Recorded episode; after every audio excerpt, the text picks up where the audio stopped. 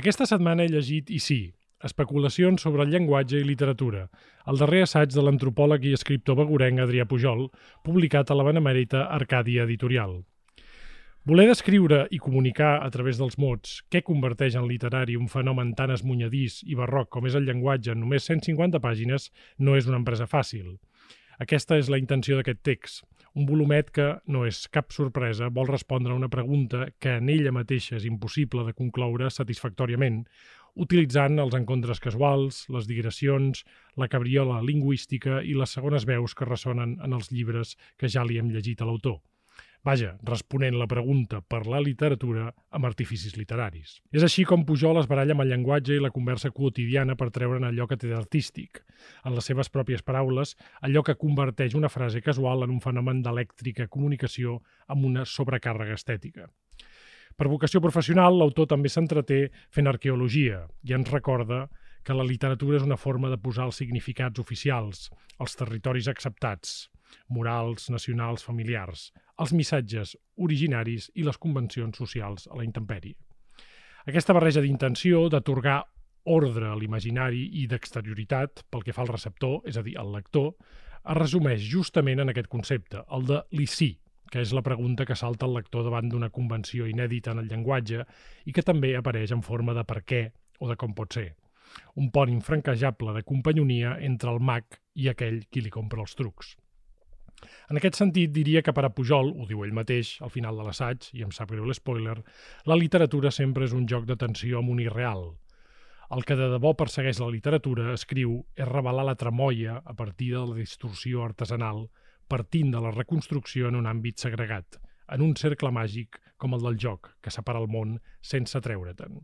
I aquest propòsit és plausible si es du a terme des de la llibertat. La cosa és una mica abstracta i he disparat moltes idees, però amb l'ajuda dels meus corresponsals al món del pensament hi passarem una mica al rasclet. I amb l'Adrià, al seu torn, m'agradarà parlar dels motius ocults que hi ha en escriure un llibre on filosòficament hi ha potser poc de nou, però que aprofita el vell per treure el nas al món present de la literatura catalana. Ara que es torna a parlar de tradició, de carrinclons i de novaveuisme compulsiu, serà interessant que un sènior de la perifèria com ell posi el nas al fangar de la tribu.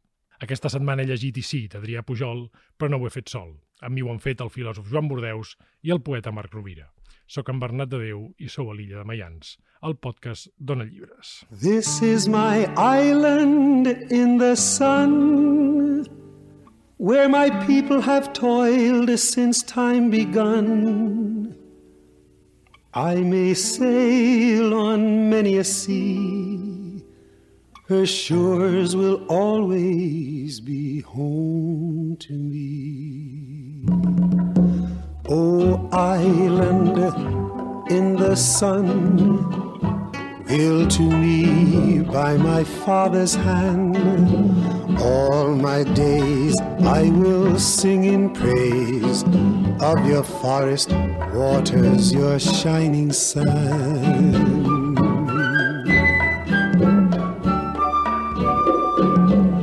Senyor Bordeus, bon dia. Bon dia. Marc, què tal? Molt ben bé. Tornat. Senyor Adrià Pujol, benvingut a l'illa. Bon dia, moltes gràcies. Primera aparició. Primera aparició, de moment. sí, espera't, eh? Quan acabem ho sabrem. Parlava dels motius ocults d'aquest llibre, perquè una mica fas un, un repàs. La pregunta original és què fa del llenguatge el llenguatge literari, però a mi m'agradaria saber per què es fa el llibre, quina és, quina és l'espurna que et fa fer aquest llibre, perquè una mica expliques coses com les convencions del llenguatge, les funcions del llenguatge, i reflexiona sobre què fa literari un text, que una mica són reflexions que ja estan fetes, per dir-ho així, sí, eh, que sí. tu les passes pel teu sedàs i pel sedàs de la teva literatura i de les teves convencions, però a mi m'agradaria saber-hi l'espurna. Sí, sí, com, com dius, són coses que ja han estat dites abastament i no seré jo que, qui vindrà ara a tornar-les a explicar ni a descobrir res de nou. És veritat, hi ha una guspira anterior que és parlar de la tribu. Després de tenir tantes i tantes converses fora de micròfons, tots i totes, a bars, a terrasses, de nit, de dia, per DM, que és totes aquestes converses que hi ha per darrere de les xarxes socials sobre la tribu i des de la tribu i dins de la tribu, Vaig dir, home, doncs fem un veu alta i sol, perquè em sembla que són coses que només les pots dir sol. El llibre comença ja amb literatura, perquè ja comença, sí, sí. el situats en una conversa casual, però és una conversa casual de la qual emergeix ja la tribu, no? És a dir, tu trobes un paio a Correus que, que comença a collonar sobre Catalunya i Espanya. Aquest és una mica l'origen del, del llibre. L'origen del sí, llibre sí, és el sí. pur parler. Que és una mica el que, el que deies ara, no? com, el, com el món del pur parler, dels DMs, de la brossa del llenguatge, d'on d'aquest sí. magma n'apareix sí. alguna cosa que pot ser literatura. Sí, però la, la voluntat de parlar de la tribu, primer un, un ha d'entendre, quan s'hi vol parlar de la tribu, que només hi ha dues maneres. L'una és fer un llibre coral de diàleg on, on tres filòsofs i mig antropòleg parlen d'alguna cosa. I l'altra és fer-ho sol, que em sembla que és la manera que, idònia per parlar de la tribu. Llavors, des d'un llibre, des de la meva torre llibre, parlar-ne sol i dir el que vull, com vull i de la manera que vull, jo ho trobo imbatible, si més no per mi. Després aquest discurs es eh, quedarà com tots els discursos sobre la tribu. Morirà. Després d'aquest podcast, aquest discurs és mort. Però com a mínim jo ja l'he fixat en un paper. I després de tantes, insisteixo, de tantes converses sobre per què escrivim, com escrivim, què passa amb la literatura catalana, per què som espanyols, no som espanyols, tot això, doncs dic, ei, ara ja ho faré jo sol des de casa, ja m'inventaré quatre veus, que seré jo mateix, i em posaré a parlar de la tribu sense cap mena de lligam, ni, ni, ni trava, ni, ni res de res. Des d'un llibre. bueno, com s'ha fet sempre, no?, una mica. Uh -huh. Deia Joan Marc que la resposta a la pregunta per llenguatge, que és una mica un dels trucs que el llibre va traient, és, és una resposta literària en ella mateixa. És a dir, la, la pregunta ja, per dir-ho així, és una pregunta literària. Sí, sí, totalment. De fet, això literària o artística o mm. narrativa, en qualsevol cas, això t'expliquen sempre a cinema, que si vols fotre parlar gent d'una un, pallissa ben forta, el primer que has de fer és que estiguin fent alguna cosa mentrestant. Si han de parlar de filosofia, millor que estiguin al mercat comprant peix. Doncs el que fa l'Adrià de seguida és, per introduir la pallissa, és fer tota l'estona, i a més és una cosa que constantment hi va tornant, i han, diem que ho fa sol, però hi ha cinc veus dins del llibre, i sempre està fent alguna cosa que convenientment pot fer servir pel seu discurs filosòfic, i quan no se'n va a la filosofia filosofia i quan no se'n va al peu de pàgina. Aleshores, a part d'això, també hi ha el fet de llenguatge, no? Tots coneixem que... I ell ho diu també en el text, que el, crec que dius això, que el joc de paraules no és el germà petit de cap altra funció literària, mm -hmm. i tu ets molt conegut, jo et coneixia molt per Twitter, per com escrius, i t'havia llegit els barcelonins, t'havia llegit on hi ha aquesta cosa que expliques que fas amb les paraules, i jo penso que això és el que fa realment el seu llibre de... Tu has dit que les teories ja estan fetes, mm -hmm. però quan ell diu obra d'art i ho escriu d'art com allò que llancem a la Diana, això és també el que el llibre fa, no només repetir-te les teories, sinó el que diu ell parlar de la tribu i fer-les en la llengua de la tribu i els jocs de paraules que només entendrem la tribu. O sigui que el llibre fa el que diu i diu el que fa tota l'estona. Diguem-ne que la crítica o l'anàlisi que fa una mica de, de la tribu i de les paraules de la tribu, etc etc està feta també des d'un de, des lloc. És a dir, a vegades es critica una cosa i no se sap ben bé l'origen de la crítica, diguem-ne. Des d'on es parla. Des d'on es parla, exacte. En aquest cas és veritat que és un llibre de l'Adrià Pujol i per tant hi ha totes les característiques, diguem-ne, de, de, de la seva literatura literatura i és també una aposta estètica d'alguna manera, és parlar de la tribu des d'aquest mateix lloc. En aquest sentit, és, hi ha aquesta honestedat, com a mínim. No? Vosaltres en sabeu més que jo, les grans teories filosòfiques, o les que han fet fortuna, no les més grans, sinó les que han fet fortuna, part de la fortuna que han fet és perquè eren jocs de paraules més ben fets que els altres. I jo parteixo d'aquí. I jo si comprem coses a Montaigne o les comprem a Heidegger o les comprem aquí les comprem, probablement és perquè eren millors escriptors que els seus coetanis, enllà que pensessin molt bé enllà que fossin molt aguts, molt afuats, però és que sense el llenguatge tot això no arriba enlloc. Llavors, qui combini millor les paraules per expressar el pensament és qui romandrà. No és la voluntat del llibre. El llibre explica per què això passa. Després el llibre potser no queda, però això, això és igual. Clar, la, que, aquesta és, la gran pregunta una mica. Tots sabem que el llenguatge és una convenció, però en la línia del que deia el Marc, l'important és on et situes tu. Des de quin lloc, des de quin lloc i, sí, com, sí. i com mires a la convenció. No? I aquesta és una mica la idea de l'ICI, no? Sí, i com tractes la convenció, perquè de vegades la, amb literatura catalana, ja posats en matèria, o en pensament català, diguem-ho així, la gent s'acosta amb unes prevencions al llenguatge i a la tradició que bloquegen, que més aviat deixen la gent immòbil. I això val pels poetes, això el Marc ens ho pot explicar, val pels filòsofs, eh, etc. En canvi, si t'hi apropes no, no em manca de respecte, però si, si et dius de tu amb el llenguatge i sobretot amb el nostre idioma, que és el que compta aquí, que és salvar el nostre idioma, si tu et dius de tu amb el català, surten coses fantàstiques, que potser no diuen res, però que ho diuen molt bé. I això per mi és important, perquè en general la gent no diem res, no? Bé, de fet, és una de les coses que, et- que et baralles, no? De, primer comences una escena de porparler amb un, amb un senyor vell que et trobes a correu, Senyor enfadat. a Correus, un senyor enfadat, eh, antihispànic, eh, de socarrel, etc etc. però després reflexiones sobre com els missatges més casuals, com la nota que deixes a la nevera, doncs poden, a través d'un artifici, convertir-se en literatura. No? Sí, i torna a ser que, una mica el que deia el Marc, eh? de, de, depèn del lloc que, que ocupi l'emissor i depèn del lloc que ocupi el receptor. Llavors, una nota, una simple nota al marbre de la cuina que diu t'he deixat fricandó a la nevera. Aquesta nota pot esdevenir literària, però dependrà del lloc de qui l'escriu i del lloc de qui la rep. Clar, aquesta nota la deixes en, en, no ho sé, en en Camí, i potser en Camí té, té una experiència epifànica amb una nota del, del fricandó. La meva germana no. Uh -huh. Dius, això- dius això bromes enllà, en la literatura i en les notes casolanes advertim l'electricitat de la comunicació Uh -huh. i si de casa en la literatura el que sentim és una sobrecàrrega estètica. hi ha una plusvàlua, però la fem entre tots. Aquesta plusvàlua, primer l'emissor. Si té vocació estètica, l'emissor carregarà de literatura. Però el receptor també, hi ha receptors molt flipats, eh? hi ha gent que té epifanies, que jo me n'en foto bastant al llibre, uh, hi ha gent de la tribu que són escriptors i poetes que tenen epifanies a cada cantonada, i això és que van sobrecarregats, perquè s'emocionen amb tot. Ve un manyà a arreglar-los el pany i tenen una epifania. Perquè, oh, ha vingut un manyà a casa, i dius, bueno, un senyor que treballa, no no n'hi ha per tant. Sí, és Però- literatura de l'experiència, no passa res. Però has d'anar molt sobrecarregat d'emoció estètica, perquè tot eh, et sembli revelador. Sí, de fet ho defineix amb una nota al peu de pàgina que parla... O sigui, acabes dient que el fet català és precisament el punt mig català és ser literari. Ens descrius en una nota com a éssers literaris. De fet, aquí... Ja em sap greu, eh, però Sí, constatar-ho. no? Dius, dius l'equilibri català, la condició catalana, la desfanatització dues bandes en pro d'una percepció del món i d'una obra sobre el món digeribles però màgiques, ni massa nacionals racionals, ni massa global rutilants o sigui catalans, literaris. Els catalans serem literaris o no serem, que és una frase que segons com podria dir una tertuliana amb una intencionalitat i tu qui l'has portat un món que és una autoparòdia i alhora et diu una cosa substancial. Llavors, aquesta és la gràcia, no? Com poder... Jo crec que és clar que l'Adrià és un autor que és més seriós com més s'encollona i quan més s'encollona més...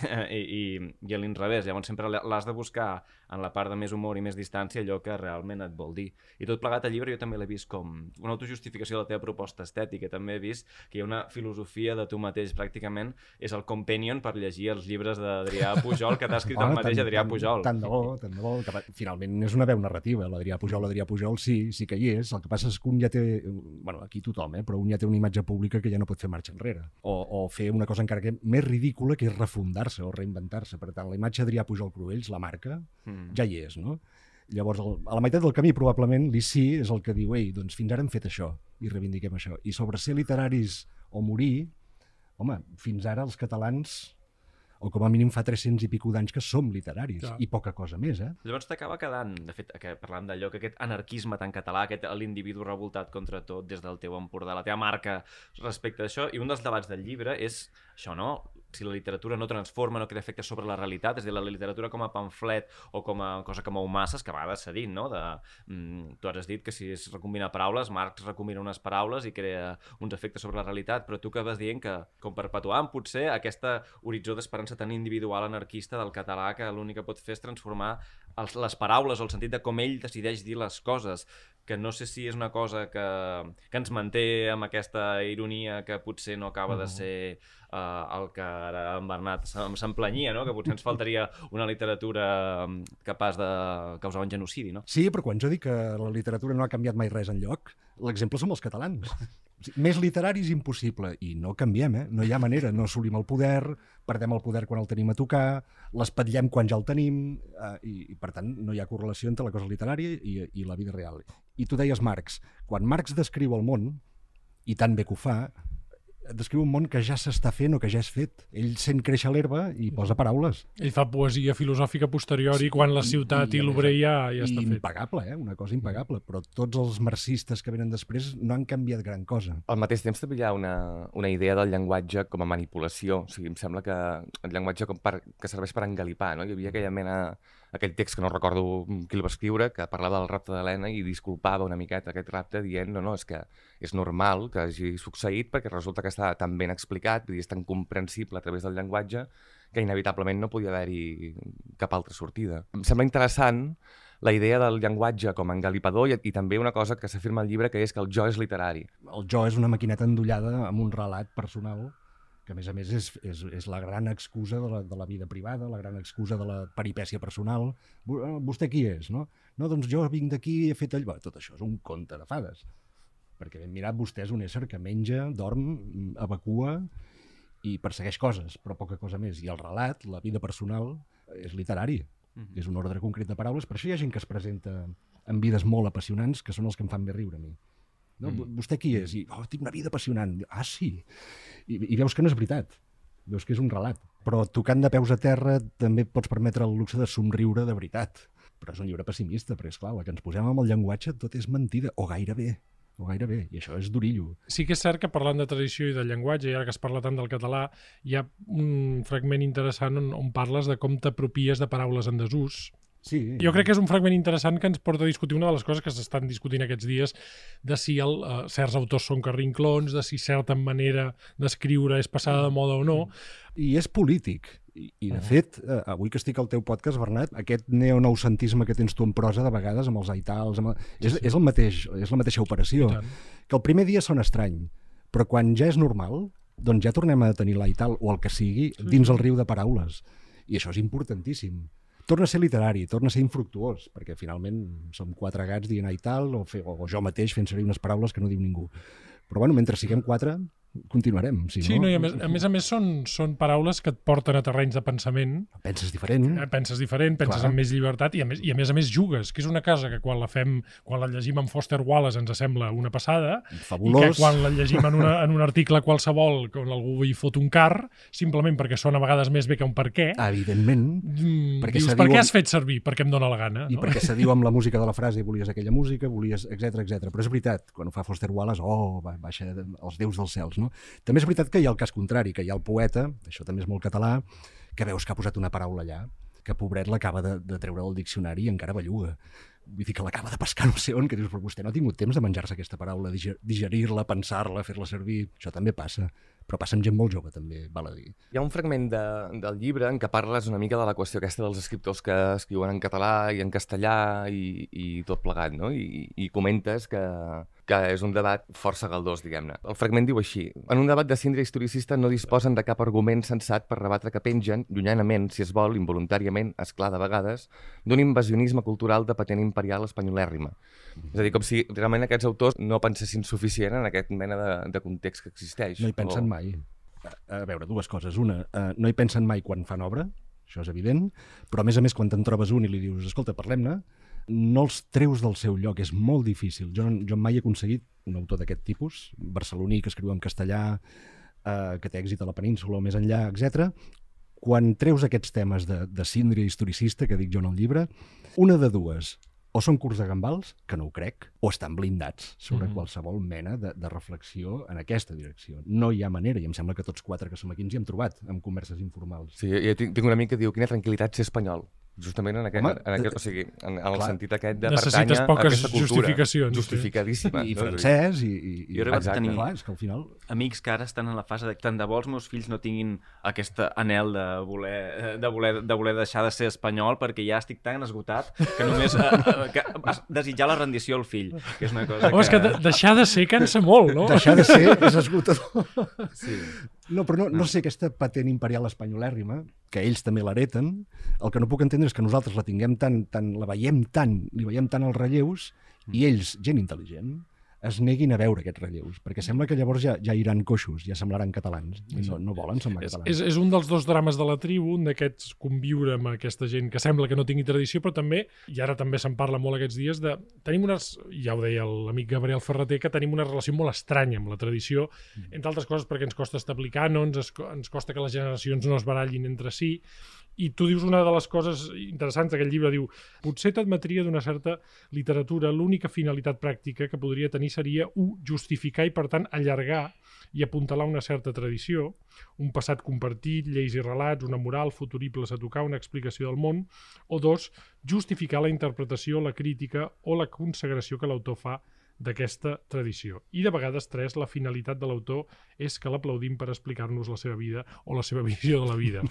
Això és el que caricaturitzaves ara en la teva última intervenció, però sí que és cert que és interessant, i insisteixo aquests dies, arrel d'un debat que es va tenir precisament a l'Ateneu, uh -huh. ens costa molt relligar la nostra tradició, ja ho deia el Ferreter, perquè més o menys qualsevol autor, tot l'autor justament per la no existència d'un cànon, la no existència d'un discurs de poder, la no existència d'un estat, bla, bla, bla, bla, bla. Per dir-ho així, sempre comença a escriure del no-res. Eh? Sí, és veritat. I a més a més crec que influeix bastant que el, el, el montalbanisme, per entendre'ns de pressa, o, o, o el tornerisme, vulguin o no vulguin, ens fan sentir que és una tradició, a més a més, que rinclona. I això, cada nova generació torna a tenir la sensació que els quatre anteriors són carrinclons. Jo trobo un fenomen mm, apassionant, antropològicament. Ara, literàriament, és nefast. Sí, i sobretot quan, quan el mantenen autors catalans interessants i intel·ligents com el Vicenç Pagès, que és qui diu en aquell acte Exacte, que un que Víctor que- que- Català és una... A més a més, amb, amb, el, el que és més curiós de tot és que en, en Vicenç diu això no perquè pensi segurament que Víctor Català és carrinclona, sinó perquè es queixa de que hi hagi escriptores de la seva generació que no reivindiquen.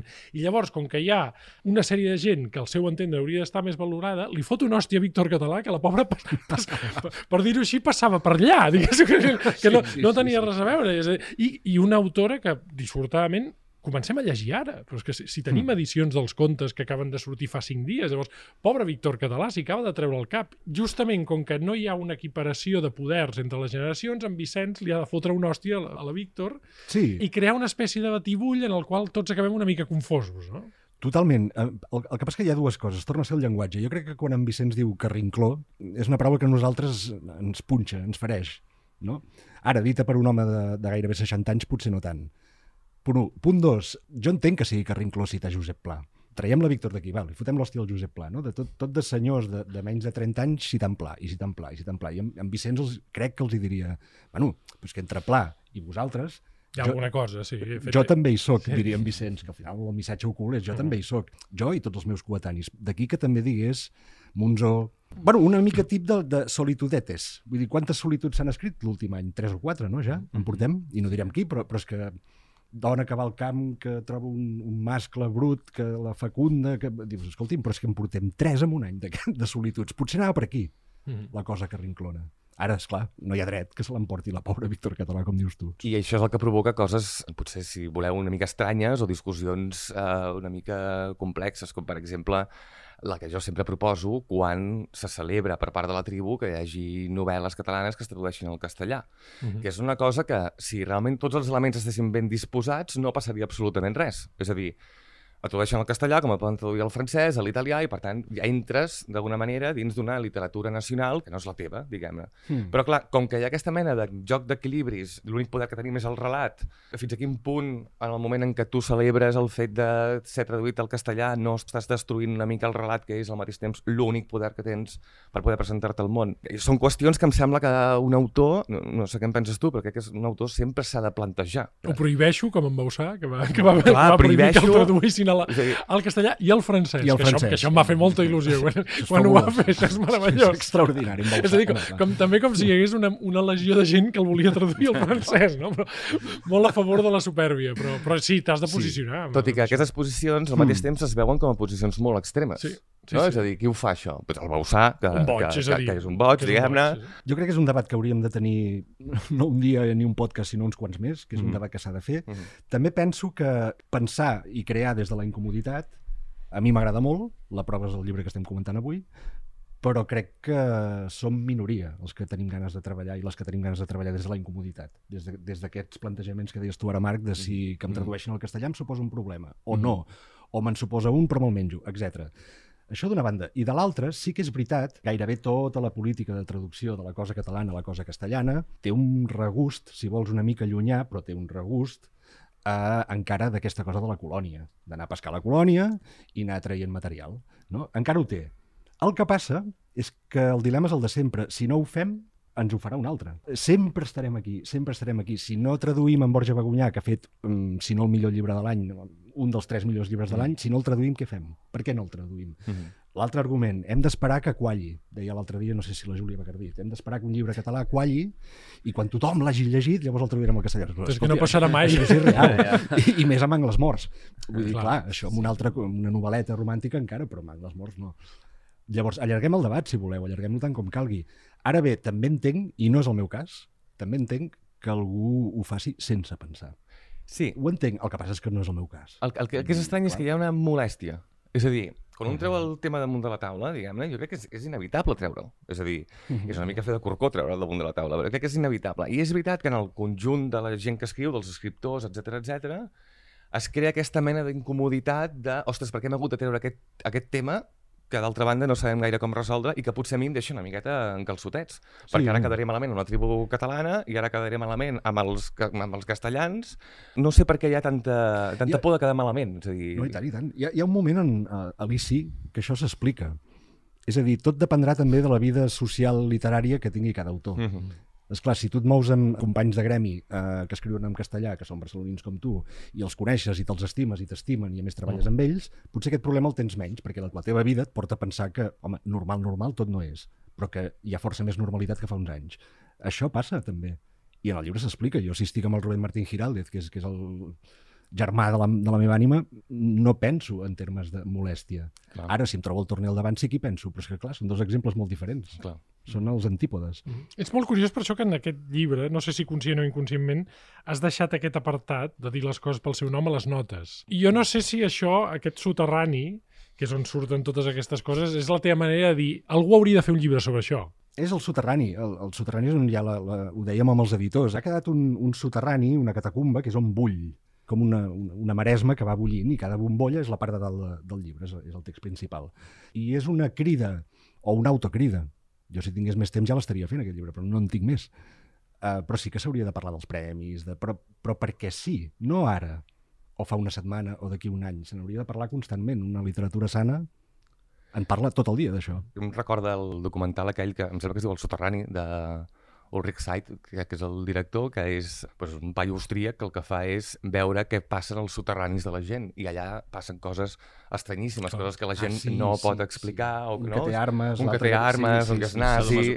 l'al- Sí, ah, exa- Exactament. Nosaltres agafem aquests temes que són importants, diguem-ne, per, la, per la tribu literària, que són els premis, com funcionen les traduccions, etc i les posem al soterrani de la literatura d'alguna manera, no? Vull dir que crec que és, que és Però crec que és feina de, de, de revistes, de, de, de podcast, de, Mm. de, de blogs, de, hi havia un blog que, que malauradament va tancar fa anys, eh, que era Crítica de la Crítica, que Sí, sí, el recordo, jo clar, jo el seguia, seguia sí. moltíssim Sí, i sí. era un plaer absolut perquè allà es parlava... Allà el soterrani era el protagonista, no? Sí.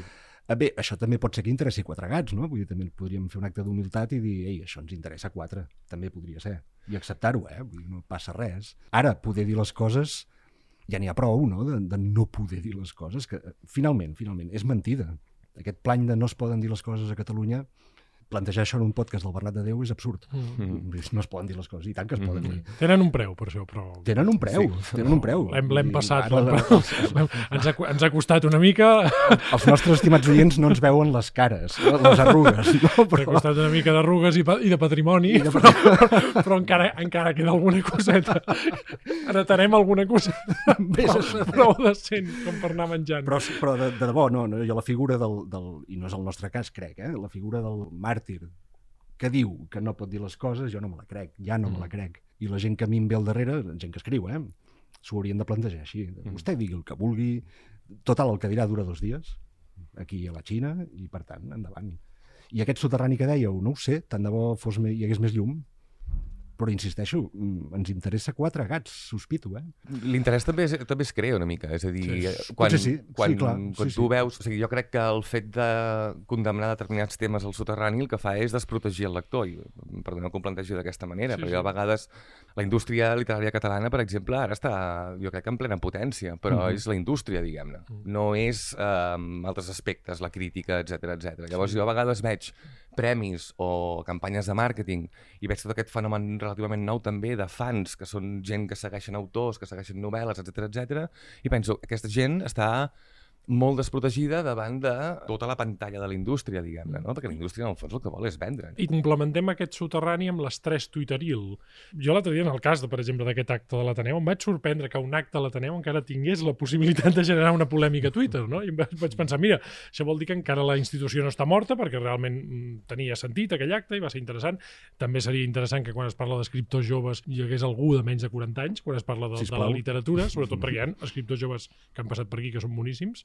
Però sembla això, que vivim entre el soterrani i l'estrès, sembla al final, jo diria que no deixa de ser un llibre en tot aquest entorn que hem descrit, que és el de soterranis, piulaires, polèmiques absurdes, no deixa de ser un llibre, al fons, romàntic, en el sentit de que al final el que planteges és, és la pervivència de l'ICI, és a dir, al final acabes dient, escolta, la literatura és un, és un tema de convenció que es fa en llibertat de creació i el clic al final de tot plegat és l'ICI del lector, és que el lector entri en aquesta, en aquesta convenció i que l'experimenti com una pregunta fantasiosa i alliberadora. Aquí al final hem vingut a guardar una emoció i una capacitat d'emocionar-nos i de no espatllar-nos i de no fer-nos malbé. I per no fer-nos malbé, fins on jo arribo, només tenim la literatura, els poemes, alguna cosa més, no gaire més, la filosofia, poca cosa més. Per tant, sí, és un acte molt romàntic i finalment jo sóc un senyor de 47 anys, vull dir, no puc no ser romàntic. Eh, Ets un romàntic estoic, suposo que Sí, home. ho som tots per edat, perquè som catalans i, i literaris, però Clar, també tenim, no no, som gilipolles, perquè tenim una edat. Diu, a vegades dius, diu, un altre trec del joc literari és que sempre descriu un irreal i en sol tensar la força, a diferència de la gara-gara de la comunicació freqüent que es dedica a constatar un real sense contradir-lo gaire, sovint sense ni mirar-se'l. Tot i que baixant d'aquesta figuera, que la literatura tingui o no tingui conseqüències en el que diem el, el món contingent no és gens important. Continua no sent important, no n'és per més que ho vulguin els escriptors compromesos amb el realisme. El que de debò persegueix la literatura és revelar la tramoia.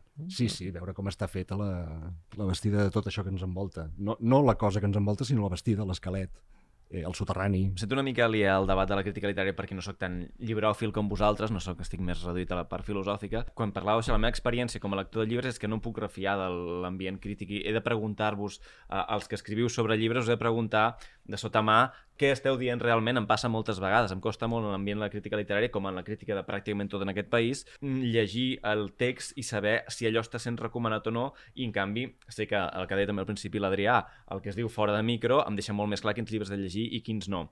Si, si som romàntics, al final eh, no tenim més que fixar-nos en la capacitat de l'autor de tenir certa gràcia i que allò s'obri camí. Però Mm. si som pessimistes o estem tristos, parlem de... Jo parlo amb molta gent que està completament eh, fagocitada dins de la propaganda d'això que de- denunciava el Marc que falta, que és víctima d'això, que no sap quins llibres són bons i si veu la- l'anunci a pàgina completa a La Vanguardia o l'Ara del llibre que és més venut és el que comprarà. Llavors, entre una cosa o l'altra, entre tenir fe que l'obra s'obrirà camí, l'autor trobarà la paraula o mm, estar tristos per la manca de poder, la manca de salut, de, de vigor del sistema literari, del sistema crític de tota aquesta conversa, uh, a mi em costa molt, per això he parlat també poc en aquest podcast, perquè em costa molt posicionar-me, perquè mm, no sé mai fins a quin punt és la recepció o la manca d'una crítica saludable, o és que el talent sempre s'obre camí i acaba brillant més enllà. Ja, entre, entre aquesta esquizofrènia que vivim en un país Mhm. com el nostre, que és més aguda que en altres, em resulta extremadíssimament difícil uh, posicionar-me. Jo sí que per exemple, llegint el llibre l'E és un bon exemple. Jo llegeixo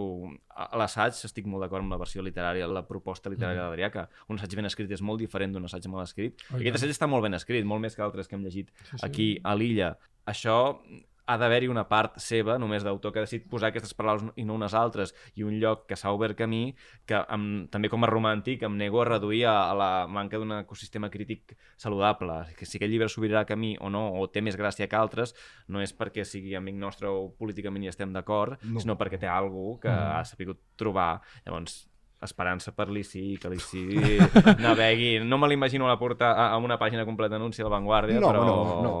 Però, al final- però és l'ICI, vull dir, aquí està, estan, estan aquí les paraules i en això hi creiem. És que al final un, aquí. un llibre ha de fer companyia, al final. És igual si és un llibre de versos, i si, o si és un assaig, o si és en pigem dient que el món s'acaba i que hem de guardar el mòbil. I... Si, si fa companyia, a mi en pigem em va fer companyia. El que passa que, per exemple, és un exemple, eh? El que diu no hi estic d'acord, però companyia me'n va fer molt en pigem. I a més l'assaig curt, a la francesa, ben redactat, fa Com companyia. no? i aquest riu de pensament que té entre dins i, i ja està. Ja està. Uh, sobre el lector desprevingut mm, tenim molta feina i no sé si som nosaltres qui per, per dir què està bé i què està malament, no ho sé. Novament em, em remeto a aquell acte de l'Ateneu, que, com que n'hi ha hagut moltíssims d'així, però que ell va ser particularment... Va, va incitar moltes coses. Sí. A mi una de les coses que em, se'm fa estranyes de, de Catalunya, i més a més jo que vinc d'una tradició més aviat nord-americana, és que els escriptors passa una mica com els mestres. Els escriptors han de ser, així com els mestres no només han d'ensenyar als nens, sinó que els hi han d'ensenyar valors, els han de cuidar, els han de fer menjar bé. És, és impossible que un mestre pugui fer això. Els escriptors han de ser sociòlegs de la pròpia literatura. Mhm. Han de ser crítics, perquè molts fan la crítica. Se'ls hi demana una comprensió global de la cursa mentre l'estan corrent, i més a més amb la narrativa, perquè clar, la, la narrativa és una feina esclava, és una feina de merda. És a dir, un assaig el fas eh, amb el teu background, el fas, el pots fer en un mes, una novel·la. No, clar Una no. novel·la és impossible. Clar. Llavors, als novel·listes catalans se'ls hi fa analitzar la seva feina, el seu lloc al món, quan n'han escrit un parell i mentre estan escrivint, no? Llavors, és com si agafessis tu el pàjaro aquell, com es feia abans amb les bicis, i entrevistessis el tio Sí, sí, que està sí. pujant al turmalet i li dius, escolta, com va la pujada? Hosti, doncs una merda, la pujada. Com, com, vol, com vol que vagi perquè no he acabat l'etapa, no? Tota catalana escriptora jove amb primer llibre sota el braç li pregunten com veu el feminisme, com veu la presència Ah. de la dona als mitjans, com veu el no sé què, Exacte. com veu el no sé quantos. També és veritat que l'escriptor l'escriptora ens hi prestem. Sí. I també és a les nostres mans. I això m'ho va dir a mi el Ricard Planes de Males Herbes fa 10 anys, em sembla que acabaven de fundar l'editorial i un dia xerrant amb una cervesa informal i tu què en penses, Ricard, d'escriure? I em diu, això és un ofici de valents. I em diu, esteu tots bojos. I, I els que coneixen en Ricard Planes, que saben que és un senyor modest, discret, editor, però que no, no, no, no sobresurt mai amb, amb grans discursos, jo encara em dura el comentari del Ricard. De, em va mirar amb cara de sou bojos i sou molt valents Mm -hmm. I ja està. Ara, tota aquesta èpica i aquest glamour de l'escriptorat, potser que ens el anem expulsant de sobre, Mm. perquè és que no, no és veritat. No és Jo amb veritat. això sóc molt liberal, cadascú tingui els seus uh, referents, cadascú utilitzi la literatura com vol i cadascú creï les convencions que creï, perquè li- al final l'important és el que tu dius, és el pacte que s'estableix, és el moment eh, en el que estàs llegint, i aquí s'acaba la literatura. No li demanem més del que pot fer, que ja és molt, que, Que és, ja és molt. que ja és fer-nos seure durant 4 hores a llegir un llibre. Uh, Adrià, moltes gràcies per venir a explicar-li sí. A vosaltres. Uh, felicito els editors d'Arcàdia, que sempre ho fem per editar uh, assaig en català. Falta molt, encara, aquí sí que podríem parlar, perquè es parla molt de la novel·la catalana, però hauríem de parlar també de l'assaig català, perquè falta molta cosa. Però bé, uh, qui fa la feina i Arcàdia la fa, la, la felicitem. Marc, Joan, moltes gràcies per posar-hi veu, també. A tu t'emprenya molt que jo tingui mania. Va com va. A mi m'emprenya molt que tu vagis fent cria. Va com va. A tu t'han dit preciós, a mi m'han dit tu calla.